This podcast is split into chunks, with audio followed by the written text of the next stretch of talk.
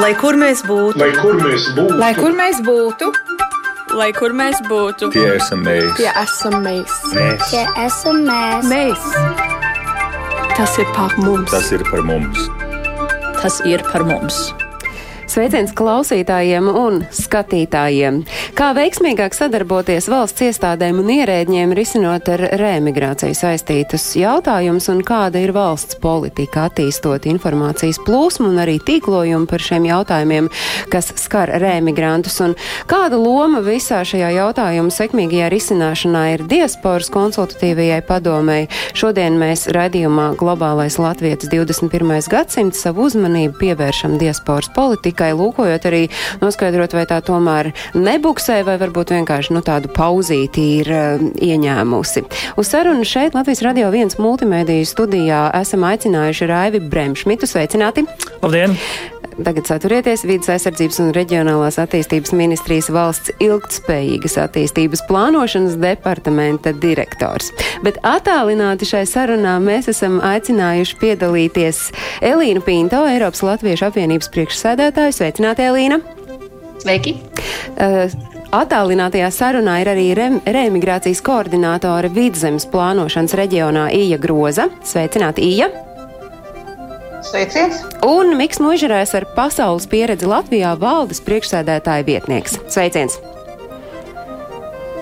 Ja Miks, man liekas, nedzird mani pagaidām. Sveiki. Sveiki. Es atgādinu, ka kā ierasts jūs mūsu raidījumu varat arī skatīties tiešraidē. Tas ir Latvijas Radio 1 mājaslapā un radio YouTube kontā, lai kur arī jūs šobrīd pasaulē atrastos. Mans pirmais jautājums ir uzreiz, droši vien jāsāk ar Raivi, jo Raivis ir studijā, pēc tam visiem pārējiem. Kā jūs vērtējat tādu līdzšanējo sadarbību starp valsts pārvaldi ierēģiem, uh, risinot dažādus ar reemigrāciju saistītos jautājumus. Nu, skaidrs, ka tur ir tas cilvēks, kurš grib reemigrēt tajā otrā pusē. Kāda tā sadarbība ir līdz šinējā? Sadarbība, sadarbība notiek, un viņai būtu jānotiek, protams, vēl intensīvāk arī uz priekšu. Man liekas, ka pati pārvalde pielāgojoties arī, protams, tiem apstākļiem, kādi mums šogad ir uh, nākuši. Un, man liekas, reemigrācija kaut kādā ziņā arī ir uh, līdzīgs process. Šajā gadījumā tas, ka tas ir kaut kas jauns, kas arvien varbūt kļūst intensīvāks, mm, arī mainoties nedaudz tam uh, reemigrējušo saturam, pavisam noteikti, kas arī notiks, um, jo, nu, kā mēs esam citreiz diskutējuši, būs vienmēr atvērts robežas, vienmēr būs arī kāds uh, un emigrējušā daļa, kas izbrauks. Un, protams, arī līdz ar to vienmēr valstī būs izaicinājums, kā tad piesaistīt apakaļ. Līdz ar to es gribētu raksturot to sadarbību līdzīgi kā, kā tādu nebeidzamu mācīšanās procesu drīzāk. Jo nav tādas līdzinējās pieredzes. Jā. Mēs visi vienkārši mācāmies no jauna, bet tāpat laikā mums ir tā iespēja paskatīties uz citiem, kā citi to dara. Un, Elīna, jūs esat teikusi, ka mums tikai tā lēnām veidojas tā izpratne, ka reemigrācija tā nav tāda īpašu privilēģiju piešķiršana kaut kādiem pārbēdzējiem, bet nu, tā ir tāda pieejas maiņa un, un tā izpratnes maiņa, lai saprastu, ka tas ir pienesums kopējai labklājības celšanai nevis nu, pakalpošana kādam uh, cilvēkam konkrēti. Bet, ja mums ir jāskatās, Elīna, uz to kopējo līdzinējo sadarbību m, ierēdniecībai ar, ar tiem cilvēkiem, kuri uh, brauc šurp un turp, tad kā jūs to vērtējat? Arī, ka vienmēr var labāk. Pirms runāt par to, kā sadarbojas ierēdniecība ar, nu, ar cilvēkiem, man liekas, ir svarīgi saprast, kāpēc mēs sadarbojamies. Bremšņa kunga amata nosaukumā jau bija tādi spēcīgi vārdi par valsts ilgspējīgas attīstības plānošanu. Un, manuprāt, šis ir tas virziens, kurā, kurā mums vēl joprojām pietrūkst vilkmes arī augstākajā politiskajā līmenī. Jo mums, mums nav remigrācijas politikas, ir tikai atsevišķi remigrācijas integrācijas pasākumi, atsevišķi teiksim, koordinātori, kas ir diemžēl izskatās pamesti savā vaļā, mēģinot kompensēt šādas politikas stratēģijas trūkumu. Un ar, ar šādu pilināšanu mēs šo atgriešanās vilni pacelt nevarēsim. Nereti izskatās, ka remigrācijas politikas veidošana ir atstāta drīzāk ārēju apstākļu rokās. Tad, kad mēs uzzinājām par Brexit balsojumu, piemēram, bija liels optimisms Latvijā, ka nu, tikai mums vairs nevajadzēs neko darīt, jo atgriezīsies latvieši no, no Lielbritānijas. Tagad līdzīgas sarunas tiek dzirdētas arī Covid sakarā, ka nu, tas būs mūsu remigrācijas politikas galvenais instruments. Bet es gribētu atgādināt arī to, ko valsts prezidents sacīja saimnes sesijai, atklājot darbu šurden, ka mūsu valstī ir nepieciešama pārdomāta un spēcīga ģimeņu un demogrāfijas politika, kuras viens no stūrakmeņiem ir inteliģenta reemigrācijas politika. Man ir bail, ka līdzinājais šīs pol, tiešām politiskās vilkums trūkums varētu būt saistīts arī ar to, ka mūsu tautā, diemžēl, ir iesakņojušies ļoti dziļa pārdarījuma sajūta, kas ir saistīta ar aizbraukšanu. Šī kā nacionālā trauma, kas joprojām sūrst, nereti, kur uh, tiek pieminēti aizbraucēji, uh, uzvirmo šīs blaknes, kas ir saistītas ar, ar visu, nu, ar negācijām, kas ir kultvēts gan padomu laikos, gan arī pēdējā laika. Šī sāpe par to, ka, ka, cik grūti ir palikušajiem bijis. Un, un nu, kā to mainīt, Elīna? Ir idejas, kā to mainīt, nu, kā šo vilkmi pastiprināt un kā šo arī to, nu, to emocionālo sajūtu tādā sabiedrībā mainīt? Sabiedrībā, es domāju, mums ir jānostiprina šo kopā stiprāku sajūtu, kas ir balstīta mūsu kā kopienas, kopējo interešu domāšanā. Es salīdzinu mūsu nereti arī ar portugāļiem. Mans, mans vīrs ir otrās paudzes diaspora no Portugāles, un mēs bieži pavadām laiku tur. Es esmu ļoti daudz runājusi arī ar portugāļiem, kas dzīvo uz vietas, par to, vai viņiem ir sāpes par to, ka, par, par milzīgu aizbraucēju skaitu gan pēdējos gados, gan pirms tam. Un, vai viņiem ir kādas negatīvas sajūtas par ļoti ambiciozajiem remigrācijas politikas pasākumiem, ko šā brīža valdība šajā valstī ir iesākusi. Tur gan ir investīciju atbalsts līdz pat 30% piemaksai investīcijām no diasporas puses, ir īpašas programmas studentu piesaistēji augšskolās un profesionālās izglītības Skolās, kur tiek rezervēts 10% vietu skaits diasporas studentiem, tāpat arī ienākuma nodokļu atlaides. Bet tas, kas ir bijis interesanti, ka šie mani portugāļu draugi rādi un paziņas, viņi vienmēr uzsvēruši to, ka viņiem šī, šīs atgrie, atgriešanās ir viņiem arī ieguvums, jo kopā mēs būsim stiprāki.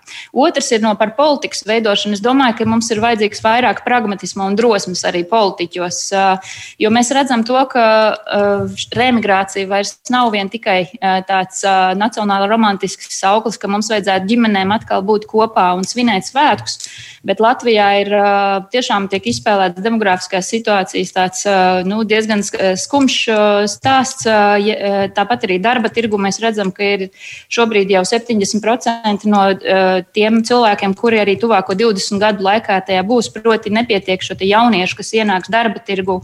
Un ir sākusies ir diezgan asa cīņa starp dažādām Eiropas valstīm, lai piesaistītu arī dažādu nozaru profesionāļus, gan mēdīķus, gan arhitektus, gan citus, kas palīdzēs jaunajā ekonomikas realitātē, kurā gan veselībai, gan arī vesel, eh, ilgspējīgai infrastruktūrai ir nozīme, kur palīdzēs šīm valstīm konkurēt. Līdz ar to visi ir racionāli argumenti, lai pieņemtu spēcīgus, jaudīgus eh, remigrācijas eh, politikas lēmumus tur ir. Un eh, es ceru, ka arī mūsu politiķiem pietiks drosmes eh, un arī vienlaikus arī atbildīgumu pret Latvijas cilvēkiem uz vietas, lai gan skaidrotu to, ka remigrācija ir mūsu gan kā tautas, gan kā mūsu katra ģimenes, gan arī valsts attīstības interesēs un spēs pieņemt gudrus, inteliģentus, līdzsvarotus lēmumus, lai mēs šo pilienus, šo pilināšanu pārvērstu arī vilnī, kas atgriežas atpakaļ uz Latviju.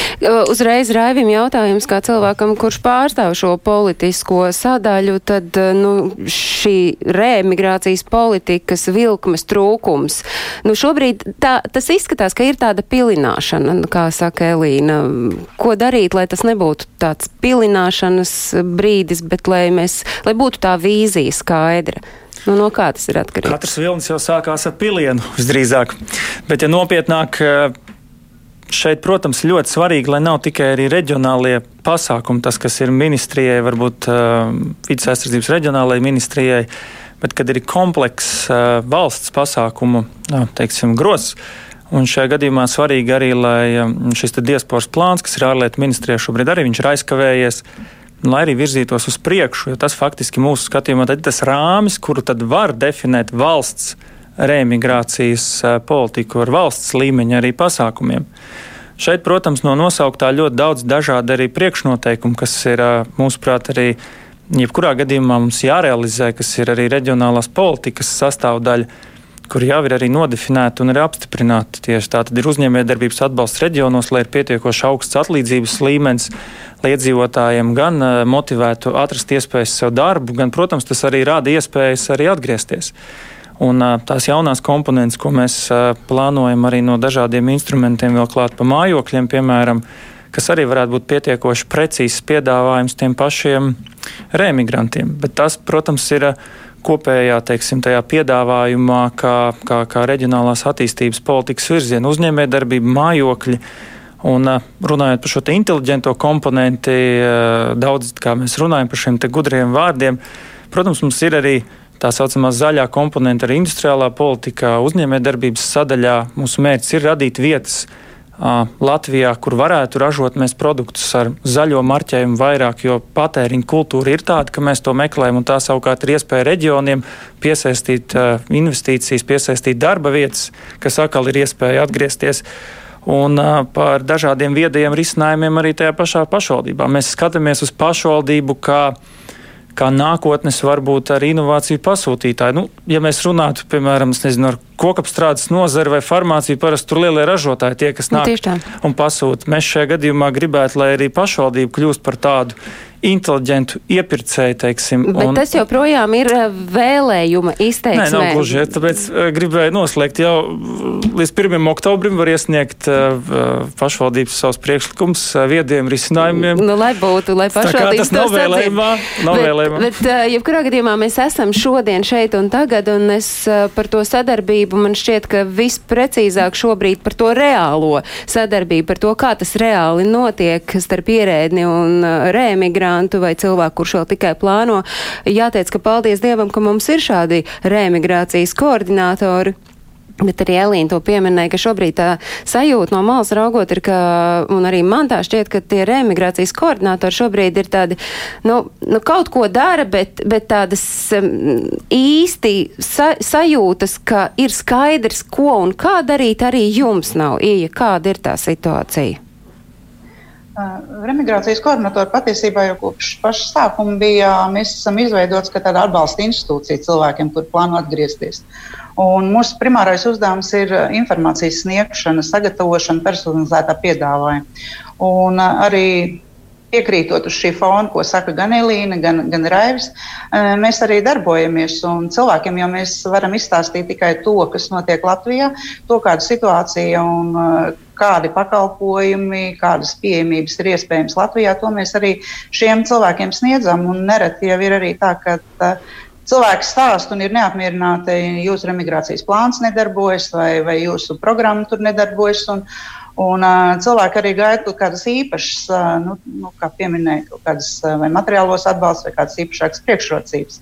Uh, bet mēs vēlreiz uzsveram, ka tas, ko mēs sniedzam, ir šis informatīvais atbalsts, ko bez šaubām arī cilvēki novērtē šo informatīvo atbalstu. Tiešām arī novērtē.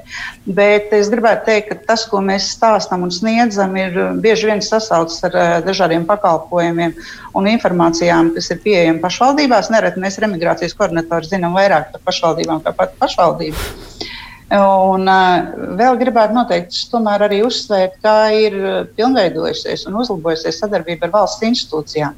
Jo šo informāciju, ko mēs iegūstam, protams, primāri mēs visu to nevaram zināt. Uh, Ja sākotnēji 18. gadā bija diezgan tāda varbūt neizpratne, vai arī tāda diezgan sausas informācijas, e, tad šobrīd e, šīs pamatvalsts iestādes un arī privātās iestādes tomēr vairāk vai mazāk zina par mums, par mūsu prasībām, ir šī sadarbība, tā informācijas sniegšana. Un rēmigranti ir... vai rēmigranti zina par jums? E, ar emigrantiem ir, protams, ļoti daudz joprojām vēl nezina. Protams, tas ir mūsu pašu ziņā, kā nu mēs katrs viņu spējam uzrunāt un stāstīt par to, ka mēs katrā reģionā pieci cilvēki tādi esam. Tā būtībā ir tā, varbūt tajā mūsu pakalpojumu sniegšanā, tā vājākā vieta, nav tas kopējais redzējums. Mēs katrs pats meklējam un stāstam par sevi. Un savukārt, ja mēs skatāmies, tā darbība ir jūsu darbošanās, ir aizgājusi pašplūsmā, vai jums ir tikšanās ar ministrijas pārstāvjiem, nu vai ir kaut kāda tāda sajūta, ka jums, ja vajag, tad ir kur atbalstu meklēt? Nu, ja mums ir nepieciešams, tad, protams, mēs, mums ir kontaktpersona, kas ir ministrijā, ir kontaktpersona. Ja ir nepieciešams, mēs uh, meklējam šo palīdzību, cik, uh, bet arī, nu, arī, ja viņam ir nepieciešams tālāk meklēt, tieši tāpat meklēt, kā mēs citur. Kā, kur vērsties ir, bet uh, tāda Tad, tad principā tas, no, no, no tas, ko es saklausu, īes sacītajā šobrīd tajā sadarbības uzlabošanā, lai tā sadarbība kļūtu vēl veiksmīgāka, tā ir tā informācijas aprite. Tad tas nozīmē, ka tas punkts, kas ir jāuzlabo, bet pirms mēs pāriem vēl pie informācijas apriti par pašu šo sadarbību, Miks Možerājs ar pasaules pieredzi Latvijā. Jā, sveicināti. Šeit varbūt jāmin šāds punkts, ka faktiski kopš nu, pozitīvā, pozitīvā ziņa šajā visā ir tāda, ka pēdējo trīs gadu laikā tomēr šis te, kopējais negatīvais migrācijas saldo ir salīdzinoši samazinājies. Ja pirms diviem gadiem Latvijā migrācijas saldo, ja nemaldos, bija mīnus 12 tūkstoši, pagājušajā gadā tas bija jau mīnus 3000. Es domāju, ka tas ir tomēr pozitīvs signāls. Tas nenozīmē, ka visi šie cilvēki, kas atgriežas, ir uh, remigranti. Tomēr uh, tas ir uh, noteikti solis pareizajā virzienā. Uh, viena no lietām tieši par šo sadarbības punktu, kas jāmin, ir, tomēr, kad uh, ir ļoti uh, viegli manā ieskatā mm, nonākt līdz situācijai, kurā remigrācija nokļūst faktiski kaut kādas noteiktas nozares pavadā vai pārvaldībā. Respektīvi, mēs skatāmies uz remigrāciju tikai no perspektīvas, kas ir tieši šajā gadījumā varam tiešākas funkcijas. Tomēr ir skaidrs tas, ka nu, šis ir visaptvarošs, plašs, plašs, plašu pakalpojumu klāstu jautājums.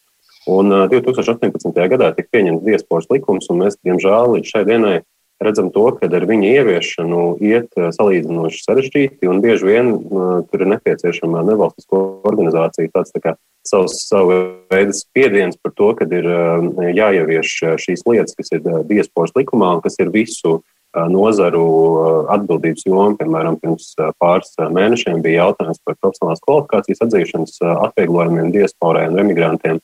Un, uh, tas faktiski process aizsākās uh, tikai tāpēc, ka uh, diasporas organizācijas iesniedz vēstuli saimē par to, ka ir jāievieš diasporas likums diviem gadiem, kad tas tika pieņemts. Un tur vēl joprojām ir virkne atbalsta pasākumu, kas netiek vai nav vēl ieviest līdz šai dienai. Ir skaidrojums, kāpēc?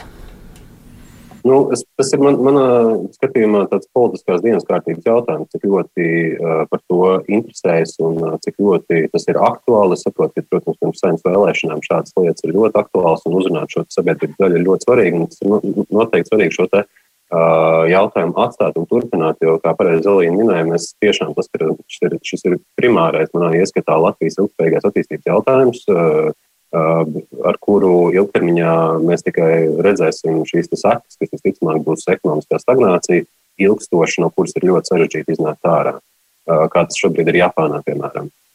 Tāpēc nu, tas ir politiskās dienas kārtības jautājums, un tas ir nepārtraukti jāaktualizē, un tās nevar būt tikai diasporas organizācijas.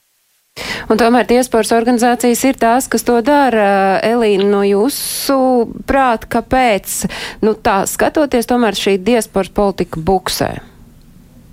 Nu, ir tas politiskās gribas trūkums, tas kaut ko uh, sasodīti daudz prasa no politiķiem. Grūti pateikt. Um, es domāju, ka mēs līdz galam vēl uh, neesam apzinājušies to milzīgo potenciālu kāds ir mūsu cilvēkos ārpus robežām. Pavisam nesen jaunākie pētījumi liecināja, ka mēs, tas cilvēku skaits ārpus Latvijas robežām ir tik liels, kādu mēs pat tādos ļoti dram, dramatiskos scenārijos neatļāvāmies teikt. Tad līdz pat pusmiljonam Latvijas cilvēku, nu, jau dažādu gada gājumu, dažādu pauģu emigrācijā dzimušo, augušo ir. Un, iespējams, ka vēl trūks tiešām tās izpratnes, kā mērķiecīgi eh, strādājot, ar, eh, sadarbojoties ar diasporu, eh, var gūt gan investīciju, gan zināšanu pārneses veidā, gan reemigrācijas formā. pienesumu Latvijai. Paskatīsimies arī uz to pašu augstāko un profesionālo tehnisko izglītību Latvijā. Mēs strādājam pie diasporas rīcības plāna, kurai ir emigrācijas funkcija.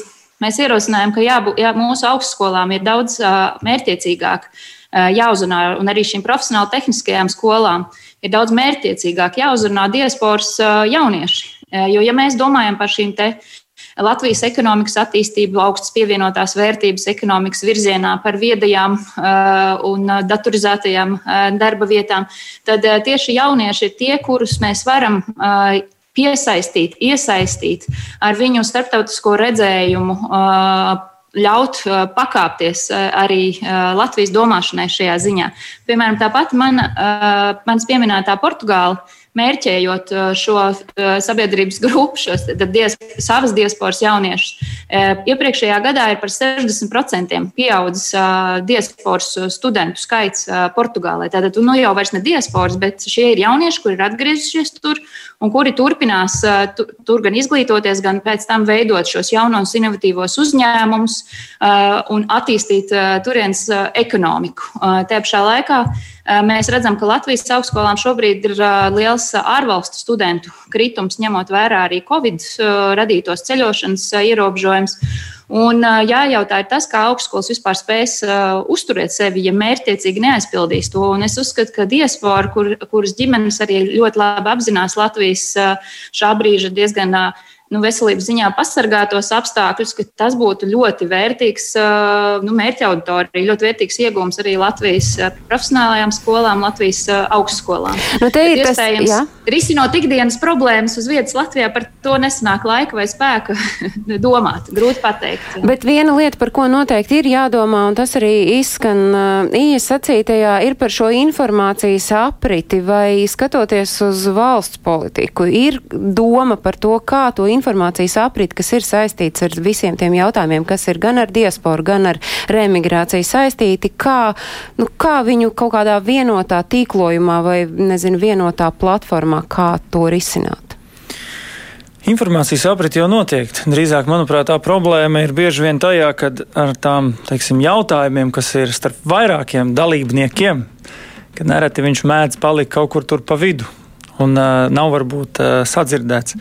Miks pieminēja, ka it kā eh, esot pavadā. Uh, Vides aizsardzības reģionā būtu jau labi, ja būtu vienai pavadā. Man liekas, ka tā reize trūkst. Tas nu, mūsu izpratnē Kaut kādā ziņā ārlietu ministrija bija ņēmusi iniciatīvu apkopot šo kopīgo plānu, visu mehānismu jau ir izveidot. Nu, Faktis, tas, ir, tas, tas ir tas formāts, kur, kur, kur būtu jānonāk. Jo, nu, jā. Bet, nu, es, piemēram, skatos, nu, ir, nu, ir diasporas konsultatīvā padome, nu, tā ietver sevī nu, visus, nu, maksimāli visus, kuri varētu tad šo diasporas politiku tālāk virzīt un, un, un nu, pie kaut kāda kopsaucēja nonākt. Šobrīd es saprotu, ka diasporas konsultatīvā padome nulle kā ir tikusi pie jauna mm, cilvēka, kurš to visu pārvalda. Līdz ar to tas ir saistīts ar to, ka arī līdz šim ne, nu, kādu brīdi ārlietu ministrijas speciālo uzdevumu vēstnieks diasporas jautājumos nav bijis, un, un iespējams tāpēc arī nu, tāda neliela buksēšana ir bijusi. Ja mēs runājam par ārlietu ministrijas speciālo uzdevumu vēstnieku diasporas jautājumu un arī diasporas konsultatīvās padomas priekšsēdētāju, nu, ir viens cilvēks, kurš šobrīd to darīs. Aivars Groza bija pirms tam un no 2018. gada, un tagad kurš Elīna iespējams zina. Jā, kā jaunā speciāla uzdevuma vēstniece diasporas jautājumos, ir apstiprināta vēstniece Elita Gavela, kas atgriežas no Izraels, un cik es zinu, tad viņa uzsāks savu darbu jau tuvākajās dienās. Un attiecībā uz diasporas konsultīvo padomu es tiešām ļoti ceru un aicinu gan gan ārlietu ministrijas pārstāvi, gan arī mūsu nevalstisko organizāciju pārstāvi Miku Mužurāju diasporas padomē, kas ir līdzvadītājs šai padomē, uzlikt sev augstu tādu efektivitātes latiņu un no informācijas apmainīšanās vietas šo padomu pārvērst par tiešām par tādu rīcības platformu, kas spēj nonākt pie vienojošiem lēmumiem, rezolūcijām, un tos arī virzīt tālāk uh, gan, uh, gan valdībā, gan arī saimā, kuras pārstāvji ir arī šajā padomē. Bet diasporas konsultatīvā padome pēdējo reizi ir tikusies vasaras vidū. Kādi ir bijuši tie jautājumi, kas tad ir izrunāti, un vai jūs redzat, nu, ka, ka tā rīcības spēja būs arī tuvākajā laikā? Miks varbūt.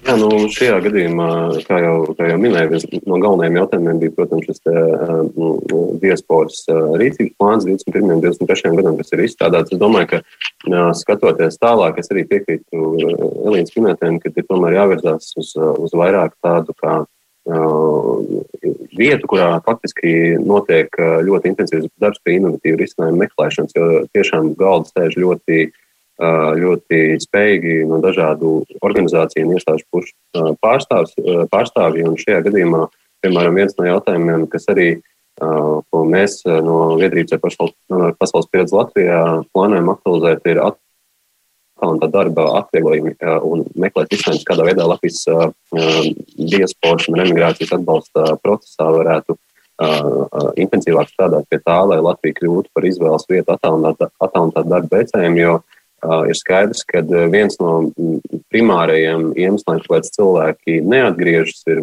tieši atšķirības atalgojumā, bet Covid-19 pandēmija ļoti skaidri parāda to, ka faktiski nākotnes darba tirgus ļoti mainas un ļoti daudz lietas ir iespējams izdarīt attālināt, un šim procesam ir ļoti liels efekts piesaistīt eh, Latvijas darba tirgumu spējīgus eh, profesionāļus, kas ir eh, gan Latvijas diaspora no ārvalstīm, kas tādā veidā tiešā veidā var sniegt ekonomikai pienesumu, gan, gan arī remigrācijā atgriezties uz šejienu un strādāt savās esošajās darba vietās, saņemot to pašu atalgojumu, kas ārvalstīs, bet daļu no saviem nodokļiem novirzot Latvijas valsts. Un diasporas konsultīvā padoma ir tieši tā vieta, kas nu, manā ieskatā ir ļoti laba platforma, kurā ir iespējams domāt par šiem inovatīviem risinājumiem, kādā veidā faktiski veicināt to, lai kādai jābūt šī valsts politikai, kādai jābūt valsts pieejai, lai Latvija būtu šī izvēles vieta attālinātā darba veicē.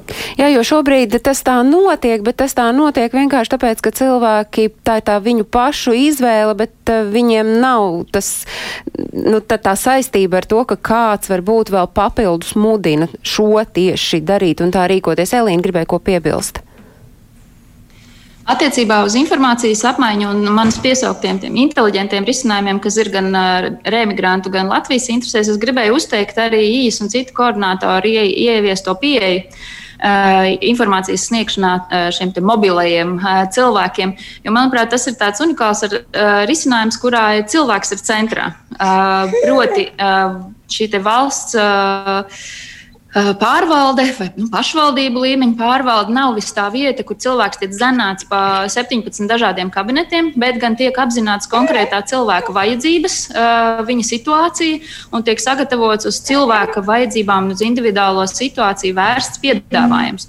Tas ir modelis, eh, kurš noteikti ir pelnījis tikt ieviests attiecībā uz ikvienu Latvijas mobilo cilvēku, lai šis cilvēks pārceltos no saldus uz uz, Daugopili eh, vai arī eh, no, nezinu, no Londonas eh, uz, uz Rīgu. Jo lielā mērā šīs ar pārcelšanos un mobilitāti saistītās vajadzības ir ļoti līdzīgas. Un arī mūsdienu informācijas laikmetā daļa no informācijas uh, ir pieejama abiem uh, vien, vienlīdz uh, labi uh, internetu platformās un mēdījos. Bet tieši šī uz cilvēka vajadzībām vērstā pieeja ir tas, kas, uh, ko, ko būtu pelnījis ik viens uh, Latvijas cilvēks, kurš maina savu dzīvesveidu un tādā veidā arī risina konkrētu reģionu nodarbinātības izaicinājums. Līdz ar to es aicinātu šo ieviest arī Latvijā kopumā. Otra lieta, kas bija izcila, manuprāt, šajā reģionālo koordinātoru darbībā, bija tas, ka bija šis skats pāri individuālu pašvaldību robežām.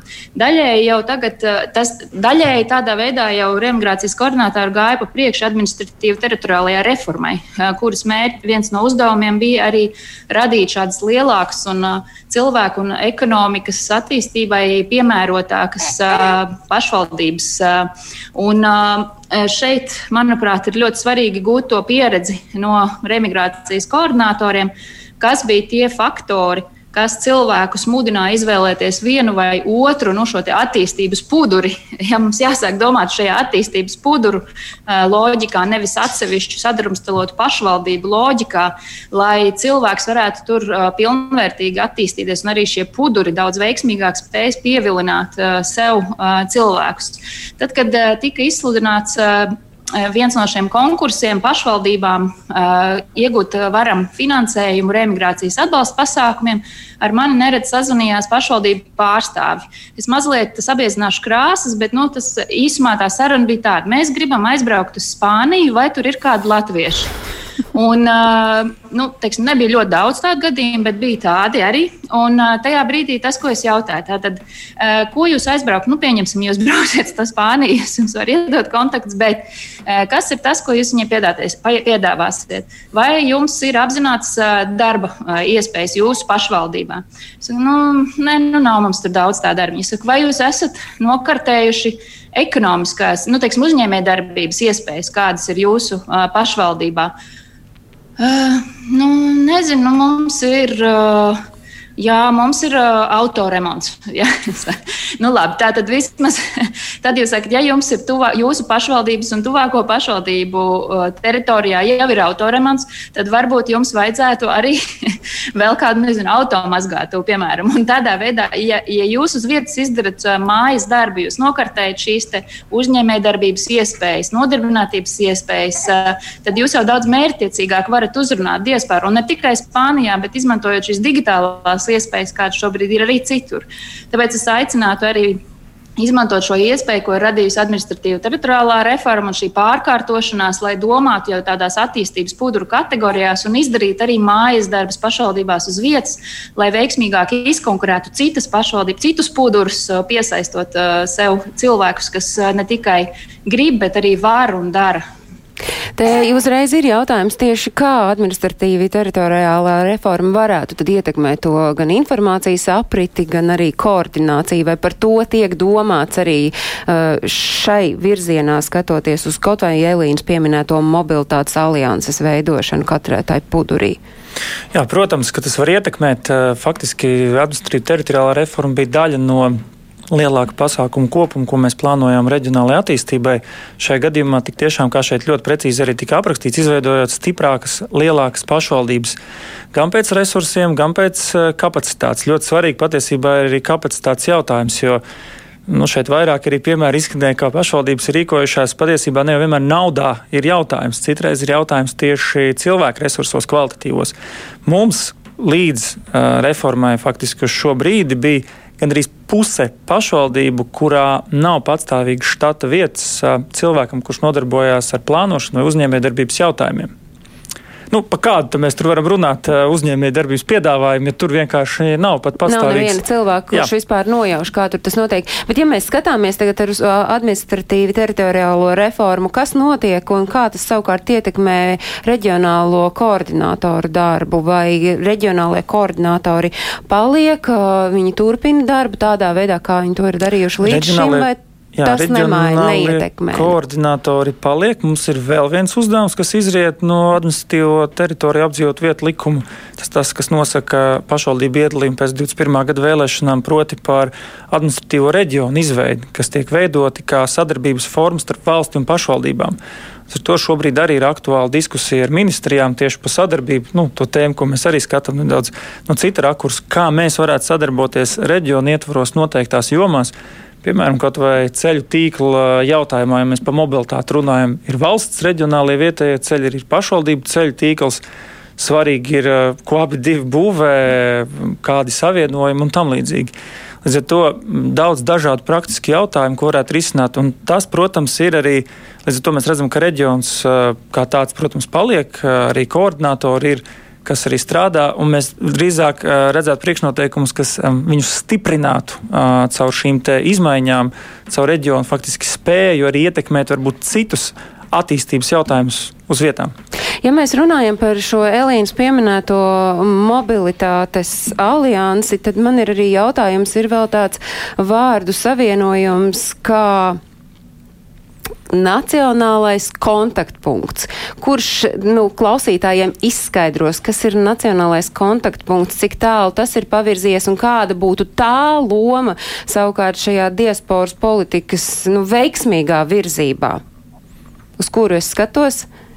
No, kuru jūs gaidat atbildi? Es no visiem gaidu atbildi. Es, es Mikam dodu vārdu. Jā. Ļoti īsti par šo. Jā, tad, kad tika izstrādāts diasporas likums, viens no priekšlikumiem, kas nāca arī no diasporas organizācijām, lai būtu bija, lai šajā diasporas likumā tiktu ietverts šis nacionālais kontaktpunkts, kuru funkcija faktiski ir koordinēt visu remigrācijas koordinātoru pamatdarbu. Tā doma ir aizgūta no tā, ka ir gan Lietuvā, gan Igaunijā faktiski strādā tādas lietas kā viena pietura aģentūras tieši remigrācijai. Un šajā gadījumā šie remigrācijas koordinatori faktiski šobrīd arī pilda šo, te, šo funkciju, kad viņi sniedz šo atbalstu, informatīvu atbalstu gan um, remigrantiem. Un doma bija, iestrādājot to diasporas likumā, ir, ka Latvija arī virzās uz šo pašu principu, kurā mums ir šāda veida aģentūra. Cik es saprotu, es šeit gan laikam jādod vārds Raimam, kāds ir tas esošais status, bet cik es saprotu, nacionālais kontaktpunkts vēl joprojām ir vakants. Tā vismaz bija pēdējā informācija, kas, kas ir. Kas ir man, bet uh, varbūt tur kaut kas ir mainījies šajā lietā, bet, respektīvi, nu, tāda ilgstoši šī, šī pozīcija nebija aizpildīta. Un ļoti bieži tā problēma, kas no tā rodas, ir, ka ļoti daudz kas būtu at, atkarīgs tiešā veidā no, no pašiem remigrācijas koordinatoriem un viņu viņu rīcības, un vienkārši šeit būtu tāda vairāk, varbūt tāda sistemātiskāku, vēl vairāk un uh, sistemātiskāku pieeju, un tas mums ieskatā uzlabot arī šo procesu. Ija, nacionālais kontaktpunkts. Cik tālu ir, jūs zināt? Nē, nu, tur jau Tas vienkārši ir drīkst ņemt iniciatīvu. Labi, i, i, jā, labi. Ja drīkst ņemt iniciatīvu. Droši. Uh, Uz mirkli. tā tad uh, cilvēks, kurš koordinē koordinators nu, ja tā vienkārši ja šos te jautājumus ir. Vienkārši netika izveidots jauns, netika izveidota jauna institūcija kā aģentūra. Nav noslēpums, ka arī valsts pārvalde uzlikti mērķi par samazināšanos. Tad mums arī jāsamazina vismaz par 6% mm -hmm. ir uh, štata vietu skaits. Līdz ar to, protams, radīt kaut ko jaunu, jaunu institūciju īsti neatradās vienkārši vietas. Pēc ņemot šī jautājuma aktualitāti, ir jā, kontaktpunkts, ir persona. Kas koordinē koordinators, kas protams, arī vada ar vadlīnijām, uzrauga rezultātus, risina kopīgos jautājumus. Uh, nu, visādā ziņā arī mēģina palīdzēt ar tām lietām, ko, ko, ko, ko varam mēs kā ministrija arī, arī, arī palīdzēt un asistēt. Tas atvieglot koordinātoru darbu, tas būtu jums kā atspēt šī šāda kontaktpersona? Ija. Tas, kas šobrīd ir, ir, ir, ir tāda, tas ikdienišķais darbs un ikdienišķie nu, norisēm, ir šis kontakts. Persona, cilvēks, ar kuru mēs sazināmies, bet tas kopumā būtu noteikti būtu labāk, tāpēc, ka tiktu veidot un redzēt tādu vienotu stratēģiju. Jo mēs pieci cilvēki esam pieci reģioni, dažādi skatījumi, dažādas pieredzes, dažādas iespējas, bet mēs tomēr pārstāvam Latviju vienotu valsti un tas vienotais stāsts. Tieši šis kontaktpunkts būtu tas, tas kā var teikt, jumts. Uh, tā vienojošais, kas arī skatās strateģiski, gan informatīvā ziņā, gan arī gan dažādām pasākumiem, aktivitātēm kopumā, kas, kas visu redz, ka mēs nesam tomēr atsevišķi pieci. Tas noteikti atvieglot, pilnveidot šo pilnveidu. Es gribētu teikt, viņš pilnveidot to darbu tāds, kāds viņš ir šobrīd. Un savukārt, ja mēs par tām aktualitātēm, tad mēs pirms kāda brīža šeit runājām, un uh, toreiz no ministrijas nebija neviena, bet tā kā šodien jūs, Raiva, esat šeit un pārstāvat vidas aizsardzības un reģionālās attīstības ministriju, tad līdz ar to jautājums ir aktuāls, kas ir noticis ar uh, ministrijas grantu atbalstu programmu, kas paredz tādu finansiālu atbalstu uzņēmēju darbības, uh, saimnieciskās darbības uzsākšanai un attīstībai š, uh, tieši fokusējoties uz rēmigrantiem gadiem. Teorētiski gads jau sliecas uz otro pusi. Jā, Praktiski arī. Ja mēs atgriežamies varbūt soli atpakaļ, kas tad bija par problēmām? Faktiski bija jautājums ar šo te deklarēšanās jautājumu, Kā... Proti, ļoti daudzi Jā. nevarēja izpildīt Jā. šos priekšnoteikumus, lai varētu saņemt šo atbalstu saimnieciskās darbības uzsākšanai, tāpēc, kā aizbraucot savu laiku prom no Latvijas, nebija jā, izdeklarējušies. Tas tā ir viena lieta, kas šajos grozījumos ir sagatavota, apspriest un iekļaut, proti par to, ka būs vienkāršots šis process, ar, nu, ja viņš, piemēram, maksājas nodokļus citā valstī, kur mēs varam par to vienkārši pārliecināties, redzēt, ka ir. Un, līdz ar to arī pieņemt, ka attiecīgi viņš bija izbraucis šo laiku periodu, neskatoties to, ka vēl joprojām viņš ir deklarējies Latvijā. Otra sadaļa, protams, sakojot līdzi arī ekonomiskajām tendencēm un nodarbinātības tendencēm, bija svarīgi mainīt šo atbalstu arī veidu nedaudz.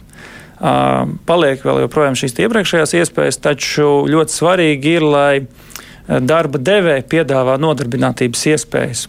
Un tāpēc uh, tika paplašināts šis tvērums uz darba devējiem, kuriem tiek attiecināts, ka viņi var uh, tātad arī nodarbināt uh, remigrantus un tādā veidā arī daļu saņemt līdzfinansējumu atlīdzībai, ko, ko, ko viņi tātad būtu maksājuši. Un, protams, tur tā matemātika, līdzīgi kā Elīna pieminēja, ir ar nodokļiem citās valstīs, kad faktiski mēs nedaudz priekšfinansējam to nodokļu apmēru, ko tad remigrants būtu samaksājis, ja būs samaksājis vēlāk. Šis viss uh, ir uh, kopā arī ar visu diasporas plānu aizkavējies uh, saistībā, nu, šis konkrēti grozījums saistībā ar budžetēšanas arī procesu. Nu, to tālāk, ko mēs redzam pie pozitīva iznākuma, ka tas visdrīzāk varētu būt arī konkurss nevis vienam gadam, bet visdrīzāk arī diviem gadiem, kas varbūt pat ir labāk arī ieviesējami. Garāks periods, pārskatāmāks, nu, arī priekšplānošanas. Līdz ar to nu, jā, šis budžetēšanas process šobrīd ir, šobrīd ir ievilcies. Nu, jūs redzat, kāda varētu būt skaidrība? Mēs ļoti gaidām uz to, lai tas notiktu tuvākā mēneša, mēneša, mēneša laikā, lai mums ir skaidrība par to, kas ir varam virzīties. Nu, un ja tas notiek un ir tā skaidrība, tad kā cilvēki uzzinās par to, savukārt kā tā informācija nonāks pie tās mērķa auditorijas? Nu, līdzīgi kā iepriekš mums arī caur reģionāliem koordinatoriem, caur to kontaktpersonu tīklu, caur organizācijām mums arī nekad neesam slēpuši neko nu, caur tiem informatīviem kanāliem, kas, kas ir nekāds tāds īpašs reklāmas kampaņas, gan nebūs, nav bijis. Nu, to. jūs mums varat pateikt, Jā. mēs varam savukārt tad izstāstīt, lai Jā. mūsu klausītāji to zina. Es saku šai brīdī paldies šodienas ciemiņiem. Atālināti kopā ar mums bija Elīna Pinto, Eiropas Latviešu apvienības priekšsēdētāja Ija Groza, rēmigrācijas koordinātore Vidzemes plānošanas reģionā un Miks Mužrais ar pasaules pieredzi Latvijā valdes priekšsēdētāja vietnieks un savukārt šeit studijā vidas aizsardzības un reģionālās attīstības ministrijas valsts ilgtspējīgas attīstības plānošanas departamenta direktors Raivis Bremšmits. Mīļie klausītāji un skatītāji, paldies, ka jūs bijāt šai stundā kopā ar mums, un es atgādinu, ka visus svarīgos notikumus, aktualitātes un jaunumus, kas ir saistītas ar diasporu, ar latviešiem, kuri dzīvo ārpus Latvijas, jūs noteikti varat meklēt portālā latviešu.com. Tur arī varat skatīties raidījuma atkārtojumu tieši tāpat kā raidījumu atkārtojumu varat skatīties Latvijas Radio 1 mājaslapā un Radio YouTube kontā. Mūsu raidījuma atkārtojums radio versijā skan katru svētdienu uzreiz pēc ziņām trijos. Tagad gan paldies, ka bijāt kopā ar mums, paldies viesiem, paldies klausītājiem, paldies kolēģiem, kur strādā pie tā, lai šis raidījums izskanētu un tiekamies pēc nedēļas. Atā!